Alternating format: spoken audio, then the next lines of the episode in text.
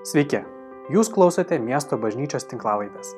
Pamokslas, kurį netrukus išgirsite, buvo įrašytas sekmadienio pamaldų metu. Meldžiame Dievo, kad Jis kalbėtų jums per šį pamokslą. Labas rytas. Šiandien pradedam pamokslų ciklą iš dviejų dalių - dieviškoji matematika arba dieviška matematika ir kalbėsim apie pinigus. Šiandien pirma dalis - kas yra pinigai. Kartais galbūt toks klausimas keistai nuskamba bažnyčiai, galvoju, kiek galima arba kodėl reiktų bažnyčiai kalbėti apie pinigus, nes pinigai yra toks, atrodo, žemiškas, sekuliarus, toks nedvasinis dalykas ir prie ko čia tikėjimas, santykis su Dievu ir pinigai. Tai tikinčiam žmogui labai svarbu suprasti, kas yra pinigai, suprasti biblinę prasme, ką Dievas kalba apie pinigus, apie turtus nes tai yra išmintis, kuri yra išlaikiusi mm, daugybės amžių išbandymus ir kad mūsų nenuneštų kažkokios trumpalaikės mados ir panašiai, turim įgyti pažinimą. Ir jeigu nori kažką rimto um, pažinti ir jeigu tu kažko tokio rimto nori, tai tau reikia tuo domėtis, neužtenka tik norėti. Jeigu norėtum būti geras aktorius, Tau neužtenka tiesiog norėti būti geru aktorium, tu turėtum tuo domėti, skirti tam laiko, um, žodžiu, įdėti visą širdį į tai.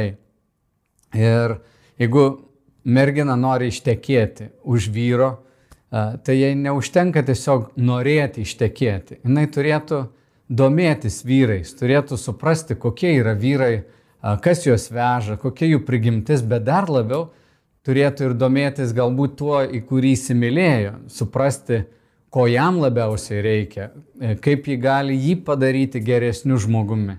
Panašiai ir vyras, kuris nori vesti uh, moterį, jam neužtenka tiesiog norėti va šitos merginos, jis turėtų uh, domėtis ją, suprasti, ko jai labiausiai reikia, kas, kuo, kuo jį vilėsi, ko, ko jį trokšta, kas jai patinka kokia jos praeitis, iš kur jie atėjo, kokiomis viltimis įgyvena ir panašiai. Ir tai padės užkariauti jo širdį, pasiekti ją. Gi, kai kalbam apie pinigus, mes irgi turim neignoruoti šito dalyko, kažkaip numesti, tai būtų tikrai klaidinga numesti į šoną į kažkokių nedvasinių dalykų dėžę ir nesirūpinti, kai tuo tarpu kiekvieną dieną mes susijęs su pinigais, esam susijęs su turtu ir apie tai turbūt mastom labai daug. Taigi vienas iš dalykų, keletą eilučių dabar pradžiai tik tais įžangai tokių paminėsiu, tai patarlėse pasakyta, nepersidirbk siekdamas pralopti, būk išmintingas ir liaukis. Nežiūrėk į tai, ko nėra, nes turtai pasidaro sparnus ir išskrenda kaip erelis į padangę. Čia pamokymas toks, kai kalbam apie pinigus, sako, nesudėk visų savo vilčių į pinigus, nesudėk viso savo laiko tam, kad užsidirbtum krūvą pinigų. Žodžiu, nežiūrėk į pinigus kaip į tikslą. Dar kita eilutė Ekleziasto knygoje pasakyta, kas myli sidabrą, niekada nepasitenkins sidabru. Kas myli turtus, nepasitenkins tuo, ką turi tai taip pat tuštybė. Taigi šventas raštas jau mūsų moko, kad pinigai patys iš savęs nėra jokia sėkiamybė.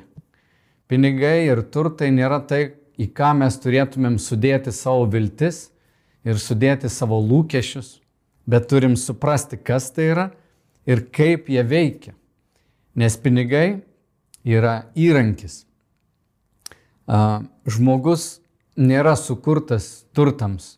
Turtai, pinigai yra tik priemonė kažkokiam kitam tikslui pasiekti. Taigi eikim prie pagrindinio teksto, kurį šiandien noriu panagrinėti, kalbėdamas apie pinigus. Jėzus apie pinigus tikrai kalbėjo daug. Šventame rašte apskritai yra per 2000 skirtingų ištraukų eilučių, kurios kalba apie turtą ir apie pinigus. Ir Senasis testamentas rodo daug tokių nuorodų, yra, kurios moko, kaip turėtumėm elgtis su turtu, kaip, kaip turėtum jį naudoti. Ir apie tai bus kalbama jau kitoj daly, antroj daly. Bet štai Jėzus kalbėjo savo mokiniams, Luko 16 skyrius. buvo vienas turtingas žmogus, kuris turėjo ūkvedį. Tas buvo jam apskūstas, esą eikvojęs jo turtą. Tuomet pasišaukęs į šeimininkas pasakė, ką aš girdžiu apie tave šnekant, duok savo ūkvedžiavimo apskaitą, nes daugiau nebegalėsi būti ūkvedžiu. Čia yra palyginimas, ar ne? Kai Jėzus sako palyginimą, jisai priskiria rolės, tarkim, Šeimininkas čia galim suprasti, tai yra Dievas. Ukvedys būtų tai patikėtinis jo darbuotojas, na šiuo atveju būtų žmogus. Taigi tas ukvedys yra apskundžiamas, nes jis netinkamai elgesi su turtu.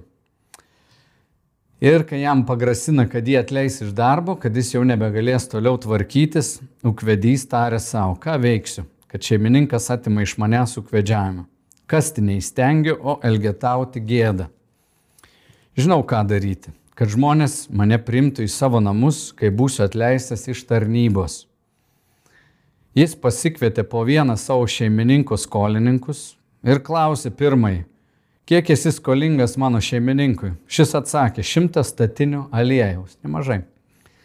Tada jis tarė, imk savo skolos raštą, sėsk ir tuoj pat rašyk penkiasdešimt. Paskui klausė kitą, o kiek tu skolingas? Anas atsakė, šimtas aikų kviečių. Jis tarė, imk skolos raštą ir rašyk 80. Šeimininkas pagyrė neteisų į ūkvedį, kad jis gudriai pasielgė. Šio pasaulio vaikai sumanesni tarp savųjų negu šviesos vaikai. Čia Jėzus atrodo mokiniams duoda tokį pamokymą, palyginimą ir sako, kad kai kurie žmonės, kurie gal gyvena dėl turtų, kartais išmintingiau pasielgia. Šitas palyginimas mes matom ūkvedį, kuris nėra visiškai sąžiningas. Jis savo reputaciją gadina ir iš šeimininko reputaciją dar gadina. Jis vagia iš šeimininko. Žodžiu, santykis yra blogas, toks blogas, kad šeimininkas nusprendžia jį išmesti. Bet ką padaro šitas tarnas? Galiausiai kai jis supranta, kad jis nebegali naudoti savo poziciją, jis susiranda skolininkus ir jis pasielgia taip, kad padaro draugais skolininkų, šeimininkų, su kuriais anksčiau turėjo verslo reikalų, gal netgi apgaudinėjo tuos pačius žmonės, sako, kiek skolinga šimtas statinių ten, ar kiek iš čia sakė, ir paima jisai sumoka pusę iš savo turto, to, ką gal prisiplėšė, jis sumažina skolą šeimininkui. Tai tas žmogus džiaugiasi, nes jam nebereikia atiduotos skolos, jis jau į šeimininką žiūri pozityviai, į ūkvedį žiūri pozityviai. Šeimininkas žiūri, kad jo santykis ir su tuo uh, skolininku yra irgi geresnis. Skolininkas jam gražina 50. Ir va čia kalba jau eina apie patį santykį. Ir mes matom, kad vaikšto statinės, o kas vyksta, vyksta tarp žmonių santykis keičiasi. Nepatenkintas šeimininkas pagiria savo suktą ūkvedį, sako, tu protingai pasielgi, nesi visiškai sugedęs, kažkas yra tavyje tokio gero. Ir Jėzus par, parodo šitą suktą ūkvedį kaip išmintingą. Bet supratimas yra koks, kad kalba neina tik apie sumas, apie kiekį, kalba eina apie santyki. Ir Jėzus toliau tęsė. Ir aš jums sakau, darykitės bičiulių neteisiosios mamonos dėka, kad jūsų galo atėjus jie priimtų jūs jam žinuosius namus. Kas ištikimas mažame dalyke, tas ištikimas ir dideliame. O kas neteisingas mažame, tas neteisingas ir dideliame. Jeigu buvote ištikimi tvarkydami neteisę į mamoną, tai kas jums patikės tikruosius turtus? Ir jeigu nebuvote ištikimi su svetimu daiktu, tai kas jums duos tai, kas jūsų? Joks tarnas negali tarnauti dviem šeimininkams, nes jis arba vieno nekeso, kitą mylės, arba prie vieno prisirišo, kitą nieku vers. Negalite tarnauti Dievui ir mamonai. Čia atrodo Jėzus įvardė, kad pinigai arba turtas yra, kaip jis pavadina, tai neteisėjai mamona. Nes manau, jinai turi galę pavokti žmogaus širdį ir jeigu žmogus paverčia turtą savo tikslu, tai tas turtas gali jį valdyti, užimti jo širdį. O Jėzus čia labai aiškiai šitam palyginime sako, kad turtai mums yra patikėti, tai yra svetimas mums dalykas. Taigi visa, ką tu turi, tavo turtas, tavo pinigai, jis sako, nėra tavo. Tai yra tau duota šitoj planetoj, tu jie atėjai, tu jos nekūrei, visi ištekliai, kuriuos tu matai, kuriais tu naudojas, jie ne tavo gamybos, ne tu juos į egzistenciją įnešiai. Jie jau egzistavo, visos galimybės irgi tau ir man jos yra duotos. Mes esam tik tais tie ūkvedžiai. Taigi, Dievas yra tas šeimininkas, jis yra savininkas, mes esam patikėtiniai. Mes nepriklausom patys savo. Tai yra tokia pirmoji pamoka. Tu nepriklausai pats savo kaip tikinti žmogus turi tą savo pasakyti ir manau, kad tai yra kelionė, kaip Liuteris sakė, žmogus tai yra jo trečiasis berots atsivertimas, kaip įsivardė, vienas yra įtikėti Dievą, kitas toks šventumo yra, o piniginė jau trečias atsivertimas. Naujajame miesto katekizme pirmasis klausimas skamba taip, kokia vienintelė mūsų viltis gyvenant ir mirštant? Atsakymas yra ne, kad mes patys savo šeimininkai, bet kūnų siela, gyvendami ir mirdami, priklausome Dievui ir mūsų gelbėtojui Jėzui Kristui. Romiečiams laiške pasakyta, ne vienas iš mūsų negyvena savo ir ne vienas savo nemiršta. Jei mes gyvename, gyvename viešpačiui ir jeigu mirštame, viešpačiui mirštame. Todėl ar gyvename, ar mirštame, esame viešpaties. Taigi, kaip minėjau, mes priklausom Dievui, visą, ką turim, materialaus, yra tik tais įrankis, jokių būdų netikslas. Bet kas yra pinigai? Klausimas toks svarbus. Ar žinai, kas yra pinigai? Kaip tau atrodo? Vat aš turiu piniginę. Klausimas, va 50 eurų. Ar čia yra pinigai? Ar 50 eurų yra pinigai? na, prieitum gatvėje žmogaus paklaustum, sakytų, žinoma, čia yra pinigai. Mes vadinam šitos popieriukus pinigais. Sakom, čia pinigas, čia yra kažkokios turbūt metalinės juostelės, kad jis nebūtų lengvai padirbamas. Štai kitas variantas. Ar čia yra pinigai? Jeigu sakom, kad čia yra pinigai, tai gal ir čia yra pinigai. Aš nainu į parduotuvę, aš pridedu prie aparato, aš susimoku Ar tai reiškia, kad pinigai yra plasmasės gabaliukas čia su juostelė juoda, kuri nuskaičiuoja pinigus, dar metalinis čipas įdėtas. Kas yra pinigai? O jeigu tu ateitum pas mane, tarkim, sakytum, va, suderim dėl kažko ir aš neturiu pinigų, bet pasirašau ant popieriaus lapo tau, surašau, kad aš tau esu skolingas tokį vekselį ir pasirašau. Ar tas popierius yra pinigai? Kas yra pinigai? Ar pinigai yra tos kopiūros, ar tai kortelės, o gal pinigai yra dabar šio laikiniai modernioje kalboje, tai yra vienetukų, nuliukų kombinacija kažkieno banko sistemoje. Nes jeigu tu nueisi į savo banką, žinai, viskas internete vaikšto vien nuliukais ir vienetukais. Tai ar galim sakyti, kad pinigai yra uh, nuliukai vienetukai? Ir čia, kai jau einam į tą skaitmeninę erdvę, tu gali pradėti suprasti, kad gal pinigai nėra materialus dalykas, vad ką tu ir aš paėmėm ir čia čiupinėjom. Biblinis suvokimas ir sakytų būtent tai, kad pinigai tai tik, tikrai nėra metalo uh, gabaliukas, popieriaus gabaliukas. Pinigai realiai esi tu na, tavo gyvenimas yra daugiau nei pinigėliai, kuriuos tu nešiojas gal kišenė ar banko sąskaitoj. Bet tavo banko sąskaita, be tavo gyvybės, be tavo gyvenimo irgi netenka vertės. Jie baigėsi, jie išnyksta. Taigi pinigai yra kažkas daug daugiau.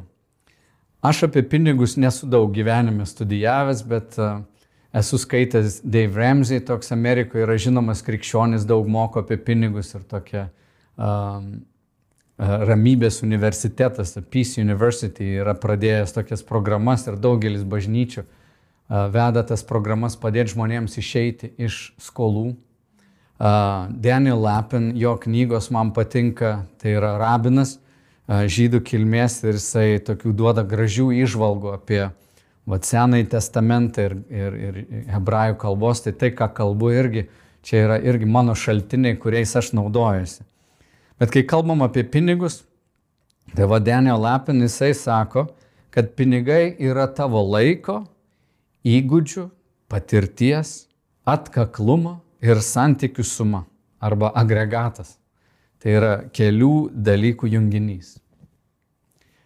Tavo laiko, įgūdžių, patirties, atkaklumo ir santykių suma. Pinigai nėra nei popieriukas, nei plasmasė, nei kažkoks tai vekselis. Pinigai realiai esi tu su visais savo įgūdžiais, patirtimi, santykiais, kuriuos tu statai. Žodžiu, tai yra dalis viso tavo gyvenimo. Ir tai labai svarbu mums suprasti tą pačią prigimti pinigų, kad mes nepradėtumėm galvoti, kad pinigai yra kažkas purvino ir negero ir nešvaraus. Ir kartais, kai žmogus sakai, kad na, pinigai nėra, nu, jie neneša laimės, arba kaip lietuvė mes sakom, na, žinoma, ne piniguose laimė, o jų kiekyje. Tai, tai yra toks paklydimas. Nes žmogus, kuris, kaip mes skaitam šitose eilutėse, kuris tiesiog prikaupia turtą, nebūtinai bus laimingas. Jis gali tiesiog vargti ir vargti Ir, ir daug Biblijoje yra eilučių, kurios sako, kur daug turto, ten daug ir rūpeščių. Tai nėra, kad tu turi staiga vat, 5 milijonus ir tu gali ramiai naktį mėgoti. Tau reikia galvoti, ką su jais daryti, kur juos padėti, kaip juos padauginti ir panašiai. Kuo daugiau turi, tuo daugiau atrodo ir rūpeščių turi. Bet pinigai na, nėra tos kupiūros. Dar vat, vienas Amerikos psichologijos tėvas Williamas Jamesas jisai labai įdomiai sako apie žmogaus tą būti. Sako, vis dėlto plačiausia prasme žmogaus savastis, tai, kas žmogus yra, yra viso to, ką jis gali pavadinti nuosavybę suma.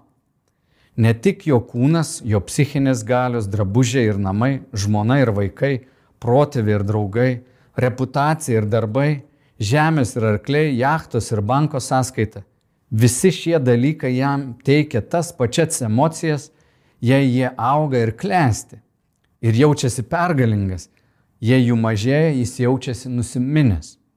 Ne vienodai paveiktas dėl kiekvieno dalyko, bet daug maž vienodai jaučiasi dėl visų dalykų.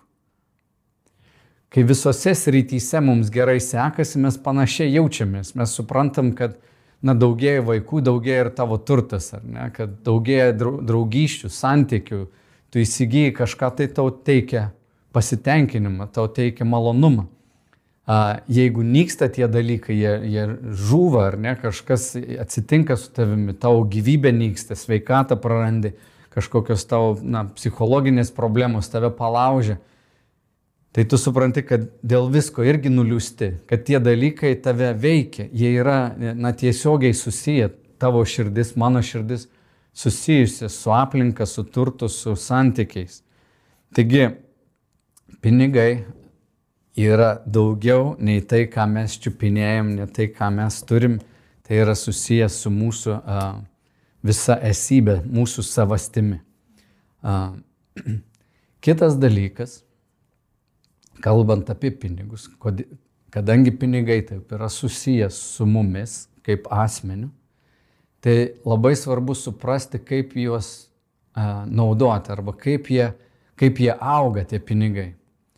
Jeigu pinigai yra, na, tavo būties, kaip sakyti, išraiška, o tu paimtum dabar pinigus, ar ne šitas pinigus aš turiu, man patinka, kaip Daniel Lepin, jisai sako, na, jeigu tu paimi vat pinigus, nebent tu juos pavogiai, bet jeigu tu jų nevogiai, bet juos užsidirbai, Tai pinigai yra tavo darbo, tavo visos savasties, tavo būties įvertinimas. Tai yra tavo sertifikatas, tavo pasirodymo uh, uh, sertifikatas, ar ne tavo kažkoks įvertinimas, kaip tau sekasi gyvenime.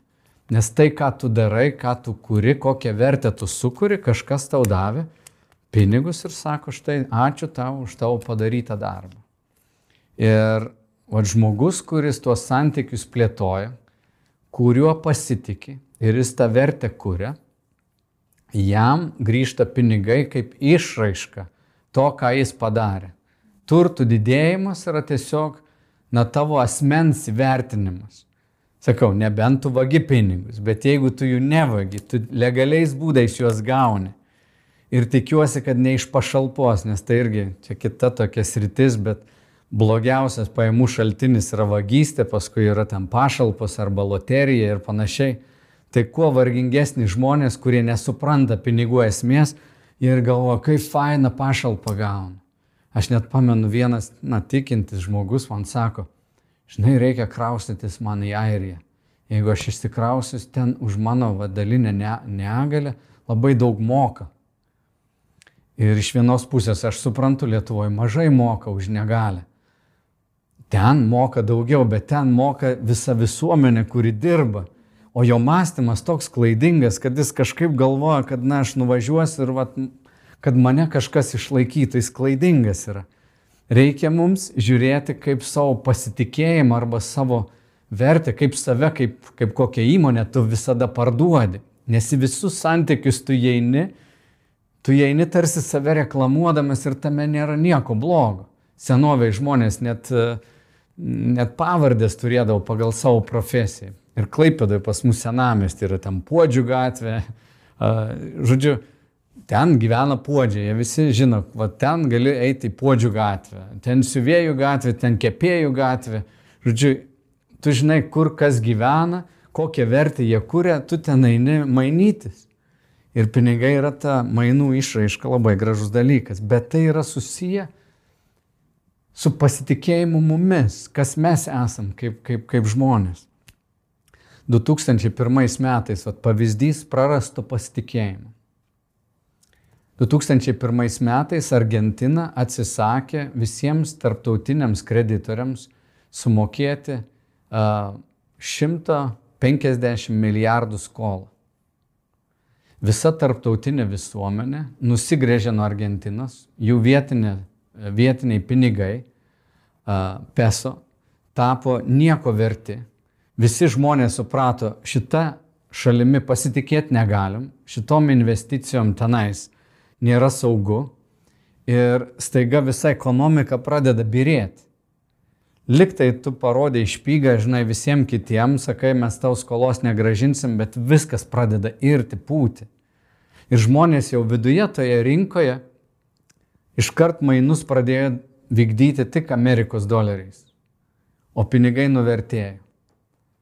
Tai viskas ekonomikoje turi judėti, bet viskas juda pastatyta ant na, pasitikėjimo. Taigi pinigai patys savo esme, na jie yra nematerialūs. Pinigus gali pagaminti bet kas. Mes galim, pavyzdžiui, paimti mėlyną popierių ir sakysim, nuo šiandien mėlyno popieriaus lapas yra vertas 10 eurų. Ir jeigu pakankamai daug žmonių sutars, kad šitas mėlynas popierius yra 10 eurų, to pakanka. Pamenat, kai kurie Lietuvoje mes turėjom kaip vadindavom Vagnorkas. Ir tai buvo jokingi tokie pinigai, bet visi sutarėm, kad jų vertė yra tokia. Ir pinigus bet kas gali pagaminti, jeigu yra pasitikėjimas. Bet jeigu tik valstybė kažkur pradeda savo pasitikėjimą išduoti, pinigai nuvertėja. Nes tu nebežinai, kaip įeiti į tą santykį. Tu nebežinai, kaip mėgsti santykius, nes štai, o tas mūsų garantas toks atrodo, kiek mes sutarėm, ta vertybinis šitas popierėlis, jis, jis stovėjo tik tais vat, ant teisingų mainų. Jau kartojasi truputėlį.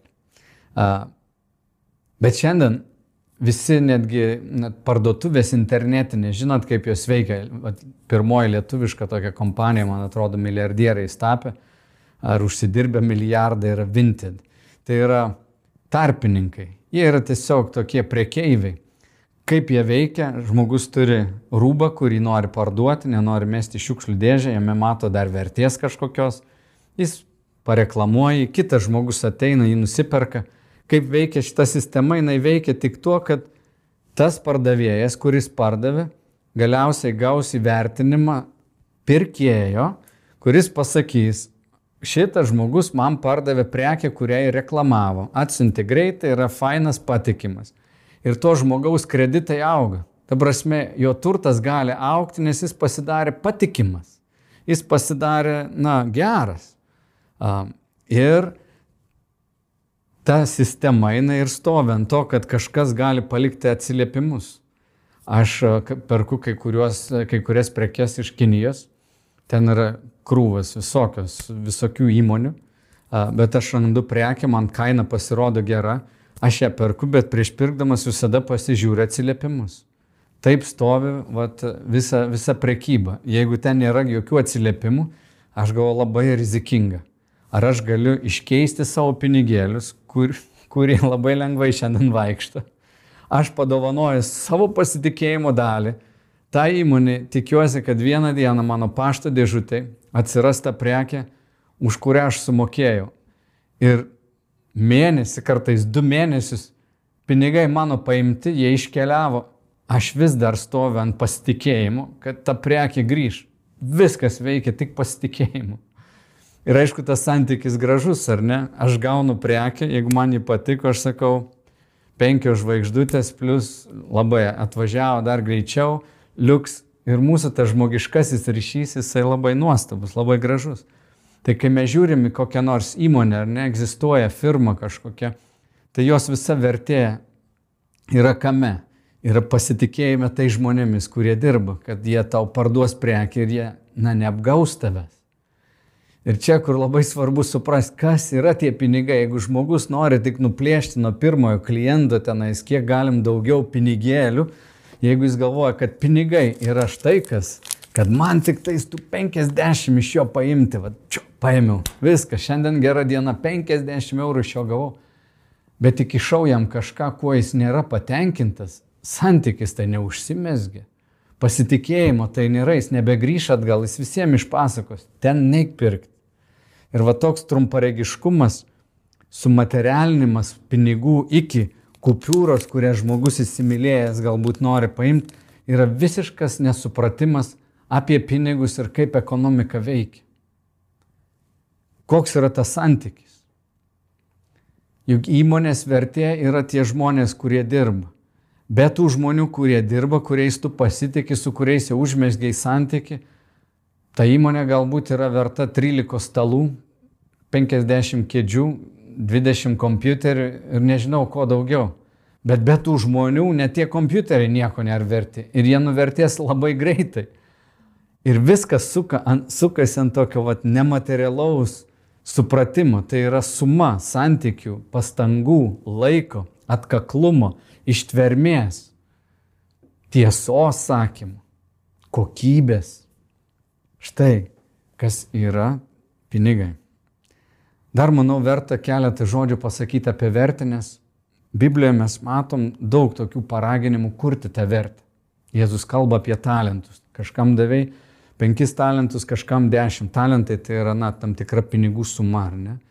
Ir Jėzus nori, kad, sako, kad tu padaugintum tai, ar ne, kad, tu, kad, kad tau penki talentai atneštų dar penkis talentus. Žodžiu, Jėzus kalba apie dovanų panaudojimą, kad kaip tikinti žmonės mes turim žiūrėti, kaip mums tą vertę kurti, nuolat sukurti kažką daugiau.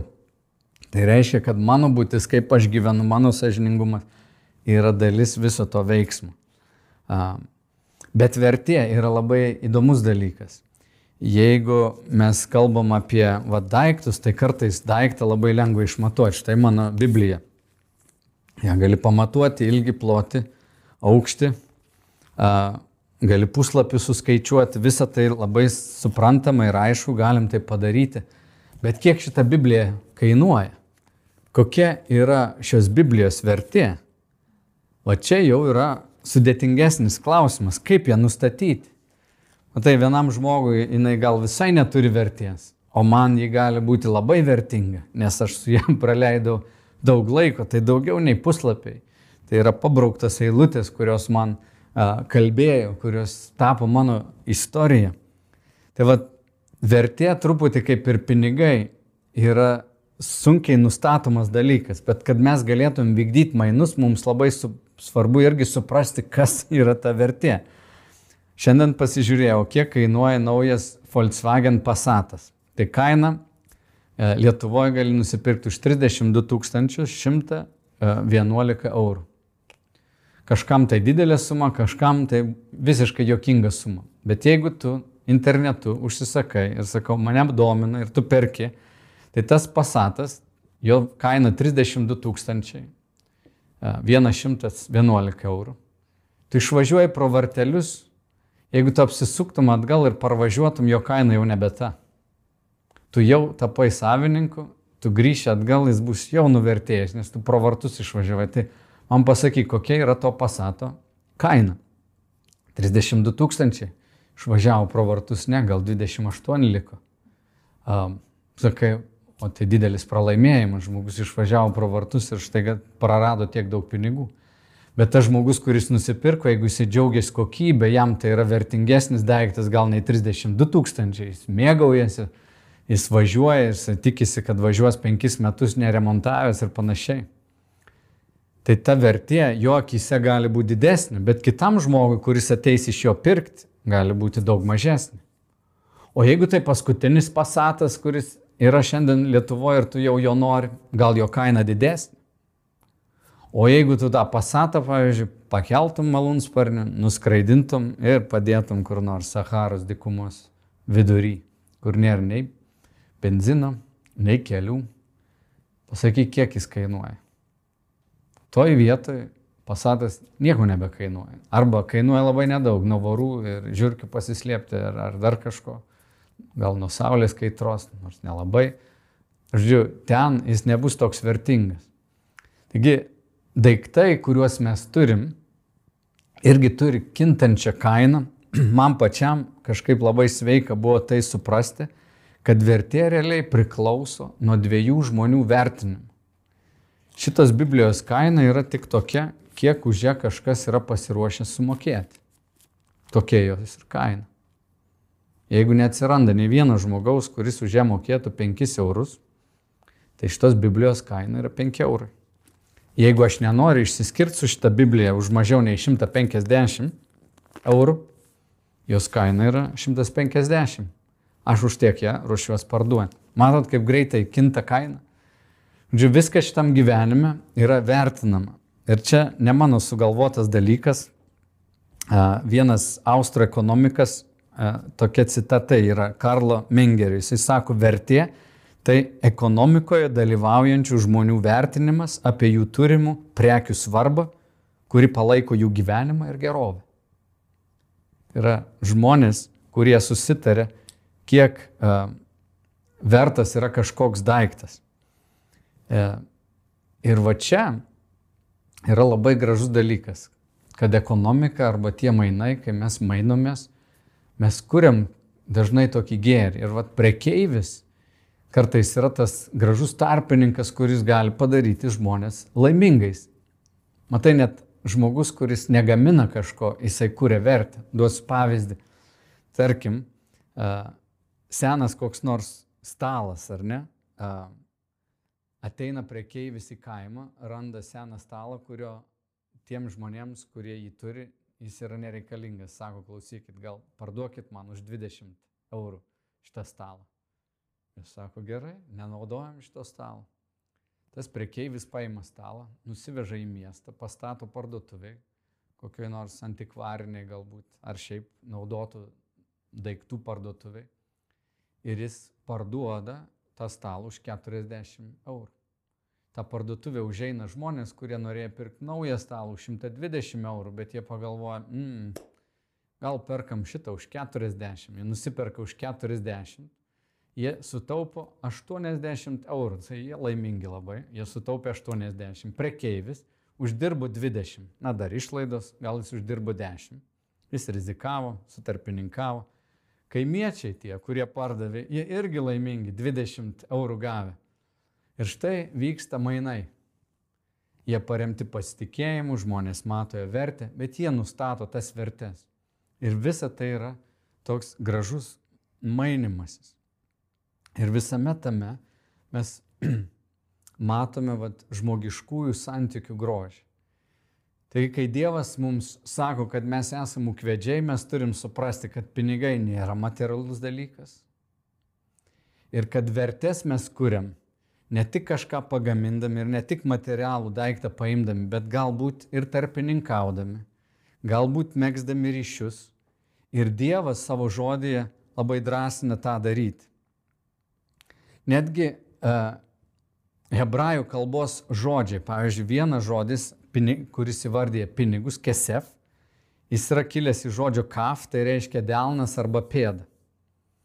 Delnas yra kalba apie tai, kad mes kažką gaminam, kažką kuriam, nes esam sukurti Dievo pagal jo atvaizdą ir pavydalą. Mes esam kuriejai, o pėda kalba apie įėjimą. Taigi pinigai, jie visada turi judėti. Tai yra kažką, ką mes sukūrėm arba kažką, ką mes nunešam iš vienos vietos į kitą. Ir jeigu tu paimi iš vienos vietos daiktą, ten, kuris galbūt nėra toks naudingas, tu jį atneši čia, jis gali būti naudingas ir žmonės jį pirks ir mokės už jį daugiau. Ir tai yra patarnavimas. Aš taip džiaugiuosi, kad šiandien labai lengva nusipirkti maisto. Tai yra, mes tokie praturtėję, tokie fantastiškai gyvenam. Aš pamenu vieną kartą nuėjau iki parduotuvę, pirkau bulves, paskaičiau bulves iš Egipto, galvoju, nieko savo. Į Lietuvą iš Egipto veža bulves. Čia turbūt kažkoks nesusikalbėjimas. Čia gal ne pati geriausia ekonomika, bet vis tiek. Prekės jos keliauja. Dar kitas žodis, kuris reiškia pinigus, hebrajų kalboje yra zuz. Irgi reiškia judėti arba judėjimas. Taigi ekonomika jinai vyksta ir santykiai per teisingus mainus vyksta, jie mesgasi ir vertė jinai kyla kuo labiau tie pinigai juda, tuo daugiau vertė ir pakyla. Blogiausia, ką žmogus gali padaryti, tai yra susikrauti savo visą tą turtą į koinę, užsidaryti ir sakyti, aš nieko nenoriu daryti, aš tiesiog taupysiu, aš niekam nenoriu išleisti, žodžiu, man nieko nereikia, jokių paslaugų aš nepirksiu, aš pats savo tualetą susiremontuosiu, mašiną susiremontuosiu, kodėl aš turėčiau santechnikų pinigus atiduoti. Tu prarandi santyki, tu nebepalaimini jo. O dieviškas principas yra, kad visa tai turi judėti ir kurti vertę. Jėzus baro tą žmogų, kuris sako, aš galvojau, kad tu, va, tu esi toks, kuris net nesuprantu, tu, tu įmi ten, kur nepadėjai. Esi griežtas kažkoks. Ir todėl aš paslėpiau viską, ką tu man davėjai, pasilaikiau. Jėzus sako, va šitą netikusi tarną išmeskit. O mums jisai sako, kad mes būtum geri prievaizdai. Taigi visa, kas tau man patikėta, mes turim paleisti apyvartą. Ir kalbu apie materialius ir nematerialius dalykus. Duosiu paskutinį pavyzdį ir jau einu į pabaigą. Aš turiu tokį draugą, Mėlys Kibuspu. Jis yra estas ir jau daug metų turi parduotuvių tinklą. Draugas draugui vadinasi. Ir Aš jau galvojau, kaip būtų nuostabu kada nors ir Lietuvoje mums turėti tokią parduotuvę. Ir mes vat, prieš keletą metų susitarėm ir atidarėm tokią parduotuvę. Tai jinai veikia taip, kad žmonės Švedijoje ir dabar net Lietuvoje atiduoda savo naudotus daiktus, kai kurie iš jų yra nuostabus, gražus, netgi vertingi. Pavyzdžiui, Švedija, jeigu miršta senelis ar ne, šeima sako, mes nenorim išmesti tų daiktų, Mes nenorim jų ir parduoti, mes norim kažkokiai labdaringai organizacijos padovanoti ir jie atiduoda draugas draugui. Taigi vieni dovanoja ir patiria džiaugsmą. Ir Lietuvoje netgi 40 procentų, ką mes parduodam šitoj parduotuvėje, ir mes ją kartu miesto bažnyčia atidarėm šitą parduotuvę su estais. Taigi ateina lietuvis, jis padovanoja savo batus, pusiau naujus ar gal net naujus, yra ir tokių atvejų buvę, jis jų nenaudoja, jisai nešiukšlina planetos, bet atiduoda kažką gero. Žmonės, kurie ten dirba, parduoda, jie gauna patys atlyginimus, jie palaimina savo šeimas, visi dirbantis.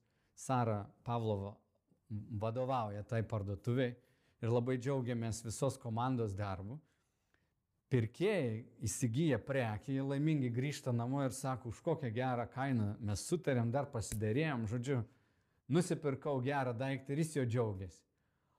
O mes tos pinigus, kuriuos uždirbam, visą pelną skiriam organizacijom, kurios dirba su pažeistais, nu, mažiau privilegijuotais vaikais. Organizacijos Vilniuje, žodžiu, žmonės su negale vaikai, švietimo programa, vaikai, kurie neturi tėvų, mes jiems atiduodam tom organizacijom visą pelną. Taigi, įsivaizduojat, koks nuostabus mainų procesas vyksta. Vieni atiduoda, žinodami misiją, kad visa tai, visas pelnas nueis žmonėms mažiau privilegijuotams. Kiti perka džiaugiasi, kiti, kurie parduoda, irgi džiaugiasi. Galiausiai parama nueina tiems, kurie dirba ir jie džiaugiasi savanoriaudami arba dirbdami su vaikais. Vaikai džiaugiasi, visi laimingi. Koks nuostabus dalykas. Tam yra skirti pinigai. Pinigai turi judėti. Turtas, daiktai turi judėti kad sukurtų džiaugsmą duodančiam, perkančiam, besimainančiam, paslaugą duodančiam, paslaugą imančiam. Ir visą tai mes darom Dievo garbiai. Mes prižiūrim šitą planetą, kurioje esam čia patalpinti. Ir Jėzus mus perspėja šitais paskutiniais žodžiais, sakydamas, kas ištikimas mažame dalyke, tas ištikimas ir dideliame. Kas neteisingas mažame, tas neteisingas ir dideliame kaip tu ir aš elgiamės su savo turtu, su savo pinigais, su savo laiku, nulėmė ir tai, kas bus mums patikėta arba nepatikėta amžinybėje. Ir Jėzus sako, kad jeigu mes nepavedam savo širdies Dievui, nesuprantam, kad esam tik ūkvedžiai, bet elgiamės kaip šeimininkai, viską naudodami tik savo, tik savo, tai mes elgiamės visiškai neprotingai. Ir sako, jeigu jūs taip elgsitės, tai jūs tikrai tarnausit mamonai, tarnausit turtam džiaugsmo neturėsit, bet Dievą nieku paversit. O jeigu mes Dievą mylim, sakom, kad Dieve, tu esi šeimininkas, visa, ką aš turiu, yra tavo, jeigu mano daiktas kažkam labiau reikalingas, aš klausau, tu man pasakysi, aš šitą 150 eurų kainuojančią man Bibliją galiu padovanoti kitam, kuri nešnauda. Tas žmogus gaus, bus laimingas. Jėzus sako, vieną dieną, galbūt per tavo Bibliją kažkas jam žinuosius namus pateks. Ir kai jis pateks į tuos amžinuosius namus ten, jis mane pasitiks ir sakys, ačiū tau, kad tu sukaisi teisingai, naudodamas tau patikėtą turtą.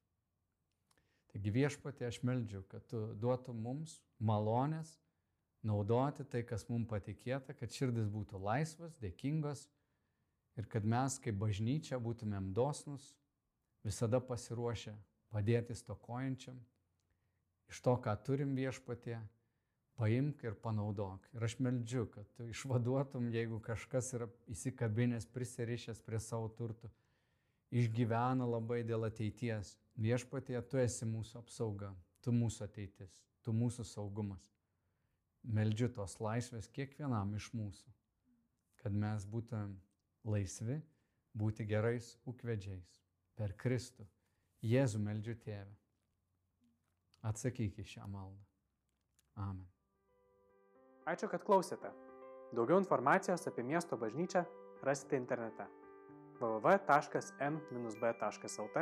arba Facebook, Instagram bei YouTube paskiruose.